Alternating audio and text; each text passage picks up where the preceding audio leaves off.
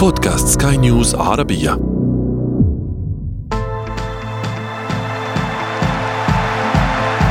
أثير الكرة.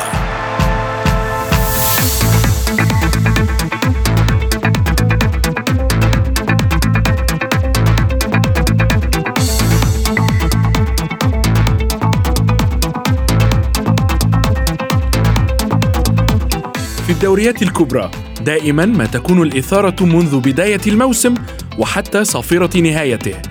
ولكن يبدو أن موسم 2022-2023 ليس على هذا الحال إلا في الدوري الإنجليزي الممتاز والذي استطاع خلال ثلاث جولات فقط أن يثبت ذلك. فرأينا الفرق الكبيرة وهي تنهار أمام نظيرتها الصغيرة. فهل ستستمر الإثارة على ذات المنوال؟ وهل قد نشاهد بطلا جديدا غير مانشستر سيتي وليفربول مواضيع كثيرة وأسئلة أكثر. نناقشها اليوم في أثير الكرة. معي أنا محمد عبد السلام ولكن دعونا أولا. نبدأ من العناوين.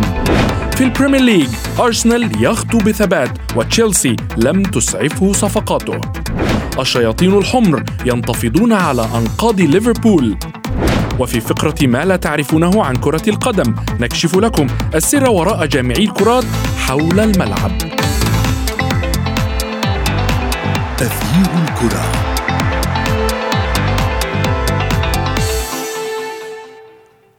أهلا ومرحبا بكم في حلقة جديدة من أثير الكرة. انتظر الجميع تأثير الصفقات الجديدة على كافة الأندية الكبرى في أوروبا وخاصة الإنجليزية.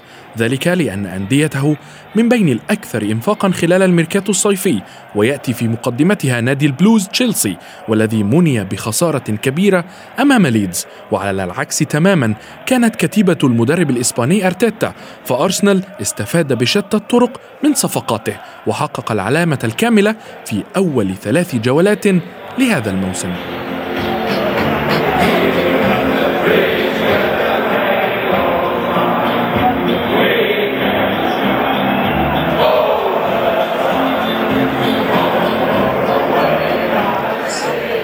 للحديث أكثر بشأن الدوري الإنجليزي الممتاز وما يحدث للأندية الكبيرة ينضم إلينا الصحفي الرياضي أحمد نجيب. مرحبا بك أحمد.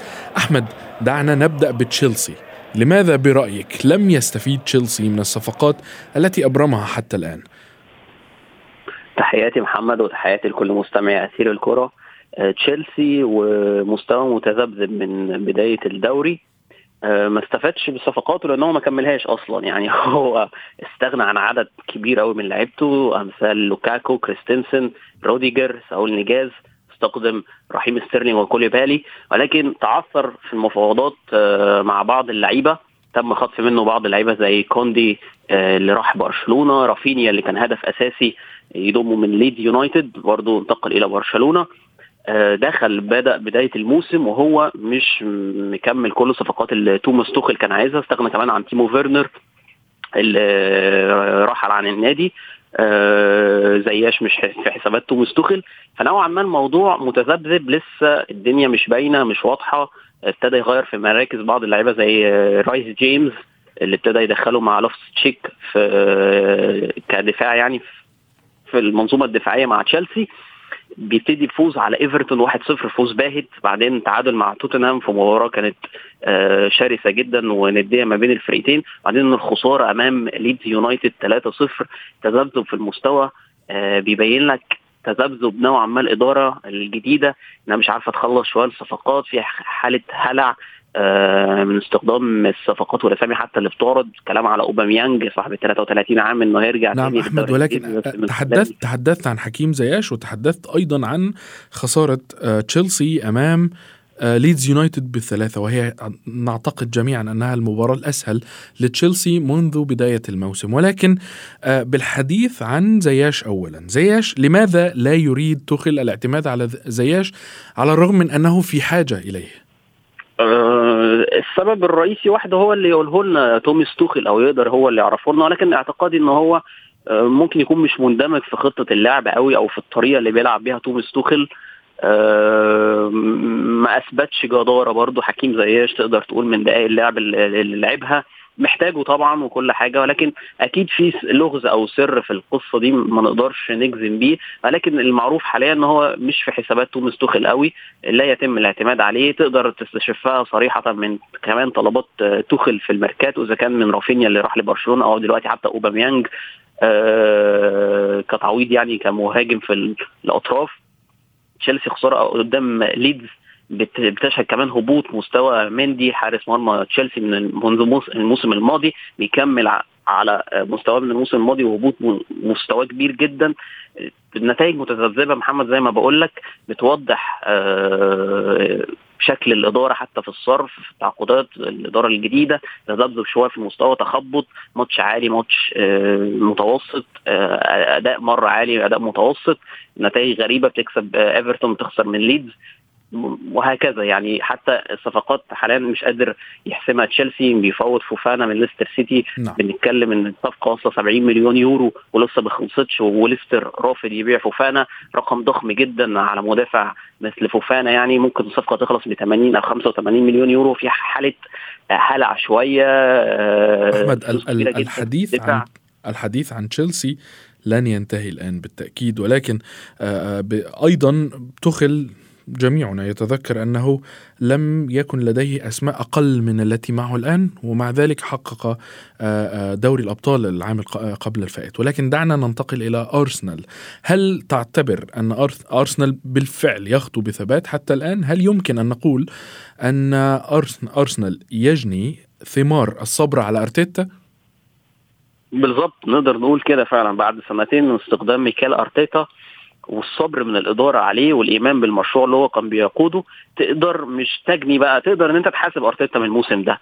كمية صفقات مهولة عملها أرسنال من بدايه من المتألق جابرييل خيسوس وفابيو فييرا في نص الملعب ماركينيوس عودة وليم ويليام ساليبا فوز على كريستال بالاس 2-0 ليستر 4-2 وبورنموث 3-0 بتحطه في مقدمة الدوري بتسع نقاط كاملة.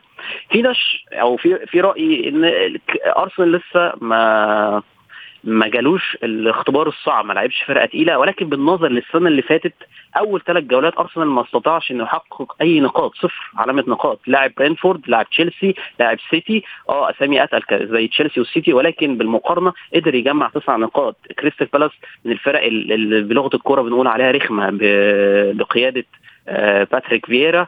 عاملة موسم قوي جدا تغير في الشكل بتاعها. ليستر سيتي من الفرق برضو اللي صعب تلعبها من الفرق اللي بتوقع نقط. إن أنت تقدر تجمع النقط دي في فترة بداية الدوري لسه اللعيبة ما تأقلمتش معاك تألق جابرييل خيسوس تسع نقاط من فرق قبل كده أنت كنت بتقع قدامها وبتوقع نقط سهلة تقدر تقول إن أرسنال يعني بيحذو نحو الخطى الصحيحة. أنت تقدر بعد كده تحاسب ميكيل أرتيتا تقدر تشوف هل أرسنال هينافس على كأس الكأسين top four في الدوري الإنجليزي لكن لسه بدري ولكن بداية موفقة جدا لأرسنال.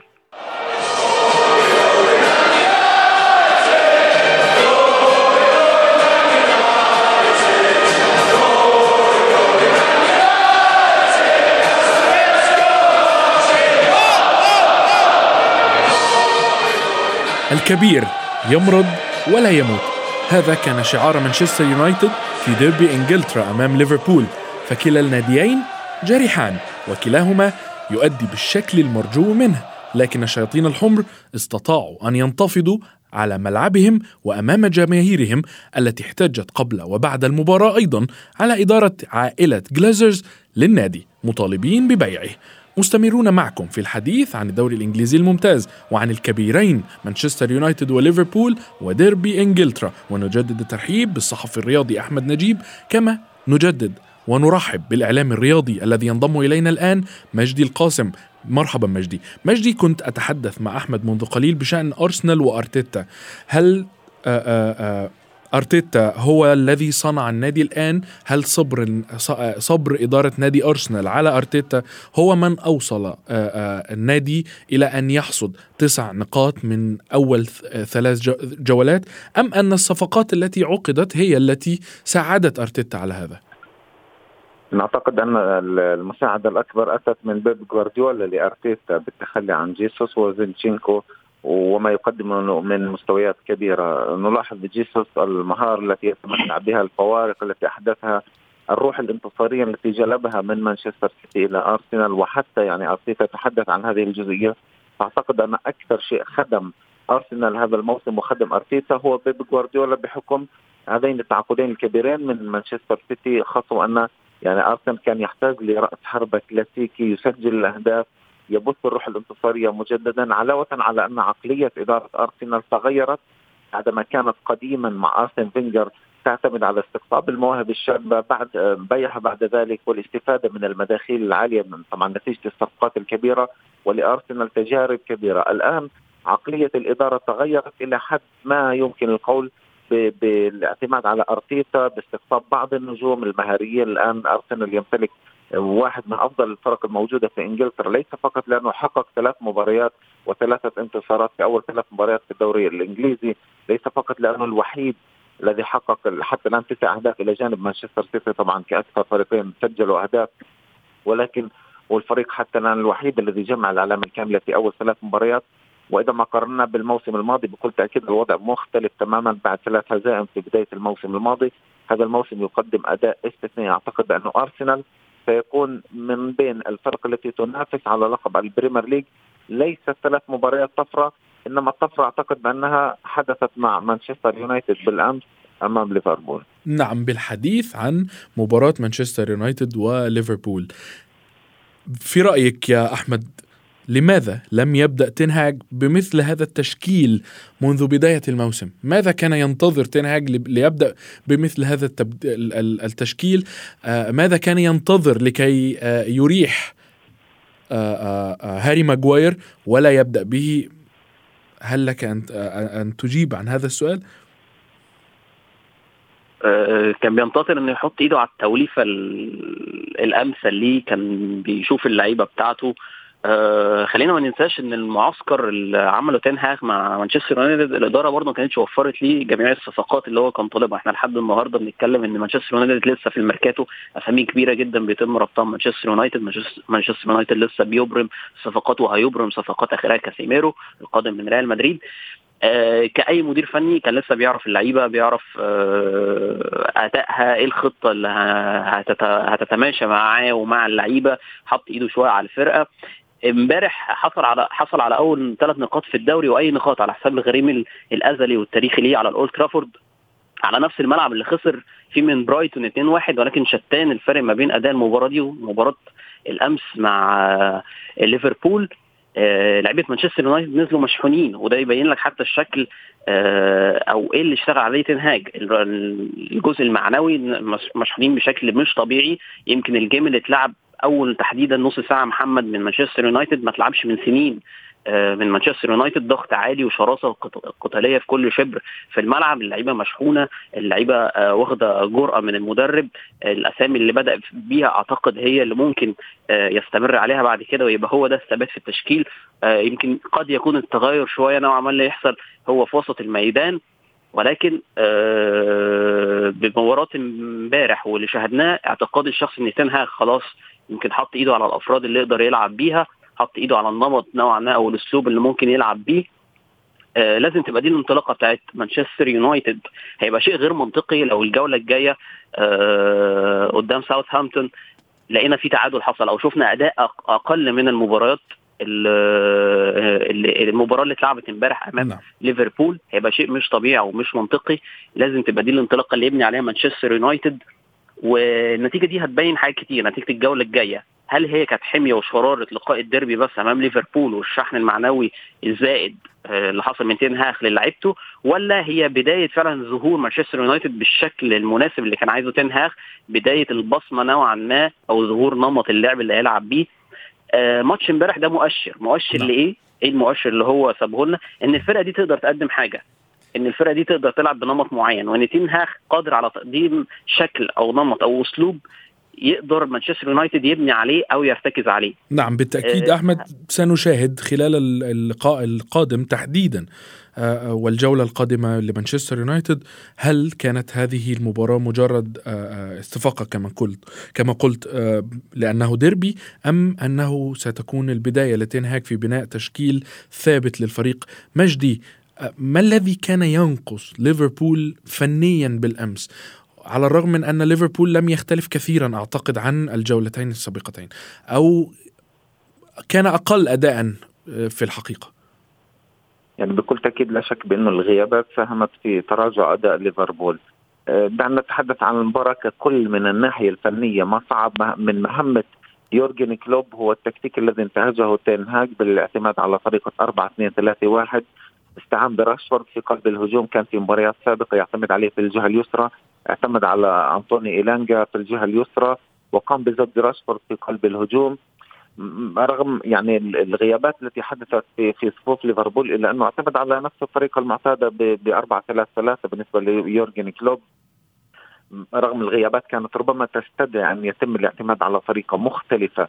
ما حصل محمد هو أنه لاعبي اليونايتد مارسوا الضغط العالي بالتالي هذا الأمر صعب من عملية إخراج الكرة بأريحية من مناطق الليفر. هذه العملية أفقدت ليفربول الترابط ما بين الخطوط. طبعا تين هاج كان يعلم خطورة الظهيرين في ليفربول أرنولد وروبرتسون بال... لأنه كانوا يحدثوا الفارق تقريبا في كل مباريات ليفربول. نعم ولهذا ثبت إيلانجا في الطرف الأيسر وسانشو في الطرف الأيمن حتى لا يضطر نعم. الطرفان إلى إلى الهجوم كثيرا. نعم. بهذه بهذه الطريقة محمد قلص كثيرا من خطورة أظهرة ليفربول اللي بيعتبروا نقطة قوة أيضا في, في الليفر إضافة طبعا لوجود محمد صلاح في خط الهجوم. نقطة نظام بكل تأكيد مهمة جدا أنه ظهر في خلل واضح في منطقة قلب الدفاع بالنسبة لليفربول ومع حالة التوهج طبعا بالنسبة للاعبي اليونايتد. قام باستغلال هذه الحالة من التوهان لمدافعي الليفر وشفنا دفاع ليفربول يضرب في أكثر من مرة. لكن نقطة في غاية الأهمية بالنسبة لتين هاج وأنه أجلس ماغواير ولوك شو على الدكة وهذا كان أفضل شيء عمله في المباراة لأنه فاران في قلب الدفاع ومالاسيا آه، أعتقد بأنه قدموا مباراة أكثر من ممتازة ومنح اليونايتد صلابة دفاعية وحتى يعني مالاسيا قدم حتى أدوار هجومية. أيضا يحسب للتنهاج أنه أجلس كريستيانو رونالدو بعظمة وقيمة هذا اللاعب كريستيانو رونالدو. أجلسوا على دكة الاحتياط وشاركوا فقط في دقائق معدودة من هذا هل هل هنا تحديدا نستطيع أن نقول أن تنهاج ربح رهان آه، آه، اجلاس آه، إجلاس اثنين مثل هاري ماجواير وكريستيانو رونالدو الذي على ما أعتقد ال ال الإدارة تريد اللاعبان على أرضية الميدان. هل كسب الرهان؟ تريد الإدارة تريد اللاعبين لكن تين هاج بدأ شيئا ما يظهر بأن الفريق بإمكانه أن يعتمد على اللاعبين الموجودين. بعيدا عن كريستيانو رونالدو. يوحي الإدارة بأنه يمكن التخلي الآن عن كريستيانو رونالدو خاصة بعد هذه المباراة. بالتالي هو ربح الرهان ليس فقط مع كريستيانو رونالدو إنما أيضا مع الإدارة بال... بال... بالاعتماد طبعا على لاعبين وإجلاس آه، كريستيانو رونالدو على دكة البدلاء إجلاس ماجواير الذي كان نقطة ضعف ليس في بداية هذا الموسم فقط إنما في الموسم الماضي والموسم قبل الماضي. أيضا آه الآن تين هاج يبحث عن حتى عن حارس بديل لدي خيا دي خيا قدم مباراة أكثر من ممتازة بالأمس لكن في الكثير من المباريات يخطئ أخطاء كارثية وأعتقد بأنها كلفت مانشستر يونايتد بالخسارة في كثير من مباريات الموسم. بالتالي هذا المدرب لا يزال أمامه تقريبا ثمانية أيام قبل إغلاق سوق الانتقالات. الحديث عن صفقات ربما كبيرة تأتي إلى بر... إلى مانشستر يونايتد وبالتالي اللي كان آخرها كاسيميرو أعتقد بانه سيكون صفقة رابحة وسيحدث التوازن في خط وسط مانشستر يونايتد. نعم. أحمد تحدثنا فنيا. هل تعتقد وكان هذا ما أجمع عليه مشجعو ليفربول تقريبا أن البدء بجيمس ميلنر كان خطأ فادح من كلوب. هل تتفق مع هذا الرأي؟ ما هو خطأ فادح بس هو ما قدموش غير ده. في حاجة المباراة دي تحديدا بتوصف الواقع اللي إدارة ليفربول مش شايفاه أو بتحاول تكذبه محمد. في كارثة أعتقد الطاقم التقني آه، مع يورجن كلوب مدركه ولكن الإدارة مش ما عندهاش إدراك ليه. خد بالك من حاجة محمد كأس الاتحاد لسه ما بدأش كأس الرابطة لسه ما بدأش دوري أبطال أوروبا لسه ما بدأش. مين كان عمق squad ليفربول السنين اللي فاتت؟ واحد من دول كان جيمس ميلنر صاحب ال 36 عام. تعال بص معايا على الكارثة دي بقى. جيمس ميلنر في المباراة الافتتاحية أو المباراة في الدوري بينزل مكان فابينيو في الدقيقة 60 بيبدأ مباراة كريستال بالاس في الجولة الثانية لحد الدقيقة 64 بيلعب مباراة مانشستر يونايتد بكل الحدة ومعدلات اللي جري فيها لحد الدقيقة 74 أنت بتتكلم إن عمق ال squad بتاعك صاحب 36 عام اللي أنت كنت تبدا تدخله وتعمل بيه rotation أو التدوير في كأس الرابطة أو مثلا ماتشات الجولة السادسة أو الخامسة في دوري أبطال أوروبا بعد حسم التأهل بتبتدي تلعبه جيمس ميلنر. انت بادئ بيه الموسم. أول ثلاث جولات جيمس ميلنر لاعب حوالي 80% أو 90% من الدقائق بتاعتها وده شيء كارثي. ولكن بالنظر للدكة بتاعت امبارح مفيش غير ثلاث أسامي تقدر تبص عليهم تعرفهم هم فابينيو كارفاليو تسيميكاس اللي هم نزلوا فعلا فعلا في أرضية الملعب. باقي الدكة لعيبة من الشباب بنتكلم ستيفان بوبي كلارك. ولكن ولكن أحمد كارفاليو حين حينما شارك آه، بالفعل قلب موازين المباراة إلى لصالح ليفربول إلى حد ما في آخر خمس دقائق. التبديلة اتأخرت محمد. آه ممكن يكون كان ممكن يقدر يبدأ بيه ولكن ما هو على حساب مين؟ هتلعب بهندرسون وكارفاليو وإليوت؟ risk ولا هتلعب بميلنر وكارفاليو وإليوت يعني هي القصة ميلنر فعلا قعد فترة كبيرة جدا في الملعب ولكن أنت بتتكلم في حوالي 10 إصابات محمد 10 غيابات منهم تسع إصابات أربعة في وسط الميدان تياجو ألكانتارا أوكسل تشامبرلين كيرتس جونز ونابي كيتا. ده ناهيك طبعا عن غياب ماتيب وكوناتي في الدفاع. كالفن رامزي الصفقة الجديدة صاحب 19 عام بديل ألكسندر أرنولد مصاب. دييجو يوتا وكالهر أليسون بديل أليسون وإيقاف داروين نونيز. 10 غيابات كاملة. آه كان في الإمكان ممكن آه أفضل من مكان لكن هل آه يعني إن ميلنر لعب هي سبب خسارة ليفربول؟ لا. ولكن من ضمن الأسباب آه عنده القتاليه عنده الروح ولكن بحكم السن بحكم حتى المهارات اللي عنده نعم. ما يقدرش يلعب مباراة زي دي بنفس الحدة ومعدلات الجري. في كارثة قادمة ليورجن كلوب وليفربول وهي زي ما بقول لك عمق ال squad بيتم إنهاكه بالتأكيد. قبل بداية الموسم أصلا. بالتأكيد أحمد وهناك أيضا من يقول أن حقا رحيل ماني ترك هذا الأثر الكبير بالإضافة إلى عامل الغيابات الكبيرة. ولكن لنرى ماذا سيقدم لنا باقي ما تبقى من الدوري الإنجليزي الممتاز ونحن ما زلنا في بدايته. شكرا جزيلا لكما الصحفيين الرياضيين أحمد نجيب ومجدي القاسم. أثير الكرة. وصلنا إلى فقرة ما لا تعرفونه عن كرة القدم وفيها نكشف لكم السر وراء تعيين أشخاص خلف المرمى أو من يعرفون بجامعي الكرات ربما يعتقد كثيرون أنها إحدى بنات أفكار المشرعين في كرة القدم لكن الأمر ليس كذلك ولم يكن سوى حدث عابر تم بالصدفة. ففي عام 1905 قامت إدارة نادي تشيلسي الإنجليزي بعقد أغرب صفقات البلوز على مر التاريخ حيث أعلن النادي التعاقد مع الحارس العملاق ويليام فولك بخمسين جنيها استرليني قادما من نادي شيفيلد يونايتد وذلك لسد الثغرة الكبيرة التي كان الفريق يعاني منها في هذا الوقت. الغريب هنا هو أن الحارس وصف بأنه لا يليق بكرة القدم وذلك لأن طوله وصل إلى أكثر من ستة أقدام ووزنه ما يعادل الظهيرين الأيمن والأيسر للبلوز في وقتها ما جعل الجماهير تطلق عليه السمين فولك. لكن سرعان ما كان للعملاق فولك رأي آخر ببراعته ورشاقته أمام المرمى. وحتى يدب تشيلسي الرعب أكثر في نفوس المهاجمين قامت الإدارة بوضع صبيين على يمين ويسار فولك لتوضح حجمه أمام لاعبي الفريق الخصم. ومن ثم ومع مرور الوقت تحول دور هذين الصبيين إلى جمع الكرات وإعادتها للحارس فولك. وكان الهدف من ذلك هو إراحته وعدم إصابته بسبب وزنه الزائد وفرط الحركة. ومنذ ذلك الوقت ظهرت فكرة جميعي الكرات حول أرضية الميدان وباتت لهم أهمية جوهرية في ملاعب المستديرة. بهذا نكون قد وصلنا وإياكم إلى صافرة النهاية من حلقة اليوم. انتظرونا في حلقات جديدة قادمة. كنت معكم أنا محمد عبد السلام. إلى اللقاء. تغيير الكرة